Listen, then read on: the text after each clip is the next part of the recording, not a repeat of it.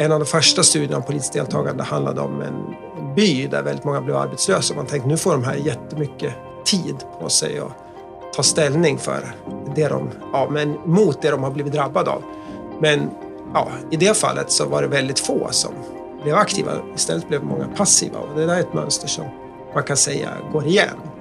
Och den där sortens ja, ojämlikhet i deltagandet har väl varit lite grann favoritämne för de som forskar om politiskt deltagande. Begreppsbiblioteket är podden där vi tillsammans med forskare från Uppsala universitet vrider och vänder på statsvetenskapens mest centrala begrepp. Kort ska jag säga att politiskt deltagande det är sånt som medborgare gör för att påverka politiken. Och om man tar det lite längre? Ja, då blir det långt. Då ska jag säga att politiskt deltagande är frivilliga oprofessionella aktiviteter eller icke-aktiviteter som sker i det politiska systemet eller är riktade mot det politiska systemet. Det kan också räknas in det som på andra sätt syftar till att lösa gemensamma problem eller är politiskt motiverat. Han som sa det heter Johan Weiryd och är forskare i statskunskap vid Uppsala universitet och tillika vår gäst här i Begreppsbiblioteket idag. Jag som pratar heter Kajsa Edholm och är doktorand i statskunskap. I den här lite längre definitionen beskriver du att politiskt deltagande kan vara frivilliga, oprofessionella aktiviteter eller avsiktliga icke-aktiviteter. Men vad betyder egentligen att en aktivitet är frivillig och oprofessionell? Jo, eh, det är mycket som påverkar politiken som folk gör på sitt jobb eller eh, i sin uppgift kanske i ett parti eller med ett valt uppdrag eller så. När man pratar om politiskt deltagande då är det något annat man är ute efter. Då är det mera det ja, vanligt folk. Det är ju inte ett riktigt eh, akademiskt användbart begrepp, men det som människor gör utanför eh, den rollen där någon annan bestämmer över dem eller eh, där de får betalt. Det, får heller, det räknas heller inte om man är tvingad av staten att gå och rösta därför att man blir eh, skulle råka illa ut annars. Ja, men det är någonting annat än det vi brukar eh, vara ute efter med, och fånga med politiskt deltagande. Och en avsiktlig icke-aktivitet, hur ska vi förstå det? Ja, men det kan ju vara sånt som eh, en bojkott av någonting eller att strejka och inte gå till jobbet. I någon mån så eh, kan ju det vara en icke-aktivitet, men det kan fortfarande vara politiskt. Eh, men det är inte bara som, ja, det är mycket jag inte köper idag, men det är kanske inte säkert att jag bojkottar någonting för det, utan det gör jag ju när jag med flit avstår från att köpa någonting med en viss motivering.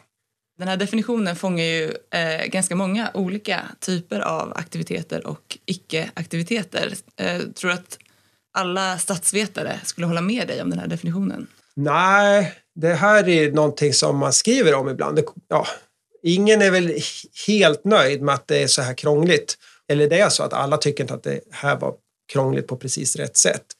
Eh, till att börja med när man forskade om, började forska om politiskt deltagande, då var man ganska inriktad på de aktiviteter som var närmast knutna till staten och styrt av staten. Ja, som att rösta eller vara med i parti. Eh, men sen så har man ju sett att människor gör mycket annat och tänker på det som politiskt. Eh, och det är också intressant. Och eh, om det, det ena sortens agerande, till exempel partimedlemskap, minskar och har minskat mycket i, i västvärlden sen ja, årtiondena efter andra världskriget. Därefter har det minskat mycket, medan andra mera individuella, uttryckande eh, sätt att förhålla sig till politik har ökat. Ja, men då, är det, då har det nog varit viktigt att kunna ha ett begrepp som, som håller igång eh, båda sätten att hålla på med politik på samtidigt. Eh, utan att för den skulle säga att det är precis samma sak. Men de är intressanta för att det är vanligt folk som håller på med politik. Så om vi har en för smal definition av politiskt deltagande missar vi liksom lite den här trenden av att eh, deltagandet förändras, kanske snarare än att minska? Ja, då skulle vi kunna tro att människor har slutat bry sig om politik eller människor har blivit väldigt mycket mer politiskt intresserade när bilden egentligen är mera ja, motsägelsefull och innehållsrik än så till exempel. Och eh, varför tror du att vi har sett en förändring i hur eh, medborgare deltar i politiken? Det där är en ganska stor fråga som folk har ganska mycket att säga om. Eh, röstning och parti, partimedlemskap har varit gynnat av eh, idéer om plikt och vad man ska göra gentemot staten och så kanske eh, idéer som, som har minskat lite grann. Eh, sen kan det också vara i vissa fall en besvikelse på den formella politiken och vad som går att göra där. Eller att den formella politiken har beslutat att vissa frågor ska politiker inte bestämma över. Eh, det finns vissa varor som politikerna har ganska lite inflytande över hur de produceras, även om de säljs där vi bor till exempel. Du nämnde att rösta i val som en av de här kanske ganska viktiga och traditionella formerna av politiskt deltagande. Ja. Hur, hur hänger egentligen politiskt deltagande ihop med demokrati? Och på ett sätt så kan man ju säga att, att det skulle inte vara någon demokrati om ingen deltog. Eller om det var tio som röstade i valet, då skulle ja, skulle, skulle det verkligen vara demokratiska beslut som fattades av de som var valda av tio personer? Det kan man ju undra. Eh, men det är inte riktigt, eller det kanske man inte ens undrar, men det är inte riktigt den situationen som man bedömer oftast, utan snarare är det, spelar det någon roll ifall några fler deltar när det redan är 60, 70, 80, 90 procent som röstar eller eh, är med på något annat sätt. Ja, men då så säger man så här att om man tänker att demokratin är någonting som ska förverkliga jämlikhet, då så kommer det fungera olika bra eh, om olika grupper är eh, lika representerade.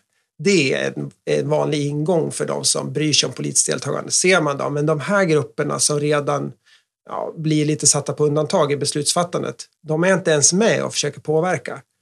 Eh, eller tar de möjligheter som kanske ser ut att finnas för dem, men av någon anledning inte utnyttjas, ja men då är det lite intressant ur demokratiperspektiv. Var de här med? Hade de på riktigt möjlighet eller inte? Eh, ja, och sen så är det massa, förstås massa situationer där demokratin har upprättats genom att det var många som agerade. Men så är det ju inte i alla fall. I, i en del fall har ju stater övergått, blivit demokratiska utan ett sådär jättestort politiskt deltagande just där. Och eh, vet vi något om vilka grupper det är som deltar politiskt? Ja, men eh, det är väl kanske ett kort svar är att det är grupper som har det ganska bra som deltar mer. Eh, kanske är det så att man har nytta av självförtroende eller av att ha gått mycket i skolan. Men, men eh, att ha en lång utbildning, god inkomst, heltidsarbete, eh, att ha utbildade föräldrar. Det är sånt som samvarierar med, med att delta mycket. Eh, en av de första studierna om politiskt deltagande handlade om en, en by där väldigt många blev arbetslösa. Man tänkte nu får de här jättemycket tid på sig att ta ställning för det de, ja, men mot det de har blivit drabbade av. Men ja, i det fallet så var det väldigt få som blev aktiva. Istället blev många passiva och det där är ett mönster som man kan säga går igen. Och den där sortens ja, ojämlikhet i deltagandet har väl varit lite grann favoritämne för dem som forskar om politiskt deltagande om eh, politiskt deltagande är liksom viktigt för att eh, demokratin ska vara på något sätt levande och på riktigt. Är det, fyller politiskt deltagande någon typ av funktion i ett auktoritärt styre? Jo, men det gör det nog. Det är många auktoritära ledare som, eh, och styren som behöver förhålla sig till hur nöjda eh, medborgarna är. Eh, men då kommer det ju vara andra kanaler för det och möjligheten att påverka inom systemet kommer ju vara mindre eh, och riskerna större i vissa fall. Eh, så, men det, det, kommer ju, det kommer att göra. Det är väl ofta lite mer rättframt att förstå det där i en demokrati. Är allt politiskt deltagande meningsfullt? Ja, det, kan man, det, det är ju svårt att, att veta. Eh, man kan, ett, en vanlig, en betydelsefull ingång till politiskt deltagande det har varit att i ett, gott, eh, i ett fullgott mänskligt liv så ingår det inte bara att få ja, styra sig själv och så, utan också styra det sammanhang man lever i eller vara med i det. Det är, det är gott i sig att vara en aktiv medborgare. Eh, och då, ja, men då blir det ju väldigt meningsfullt. Det här är, det här är betonat mer av ja, filosofer och statsvetare som vill att människor ska vara i det direkta beslutsfattandet, eh, kanske på sin arbetsplats eller att det ska finnas små lokala grupper där alla får bestämma över något gemensamt och att det, att det alltid skulle vara meningsfullt. Så. Men sen måste det finnas massor av politiskt deltagande som inte får någon, får någon effekt. Och så är ju politiken. Det, det, är också en, det är också en apparat för att människor inte ska få som de vill. Men att man ska kunna lösa konflikter utan att det blir som den ena eller den andra vill. Så det, det är väl många som hugger i sten med, sin, med sitt politiska deltagande. Så måste det ju vara. Eh, innan vi avrundar tänkte jag fråga, vad ser du att framtiden är på väg vad gäller forskningen om politiskt deltagande? Ja, inom statsvetenskapen så kan man säga att deltagandeforskning är en av de delarna som är väldigt väl utvecklad. Man har börjat tidigt, det är väldigt många som har velat vara med. och mäta lite bättre än de tidigare. Så.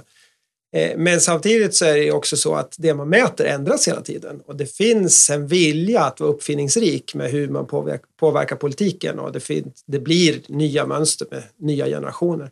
Så det kommer finnas mer att förstå. Vill man förstå hur politiken fungerar, varför det blir som det blir och om den fungerar så som det är tänkt eller borde vara tänkt, ja, men då kommer man behöva kolla igen och igen. Vilka gör vad och varför gör de det? Eh, stort tack Johan för att du var med i Begreppsbiblioteket idag. Tack!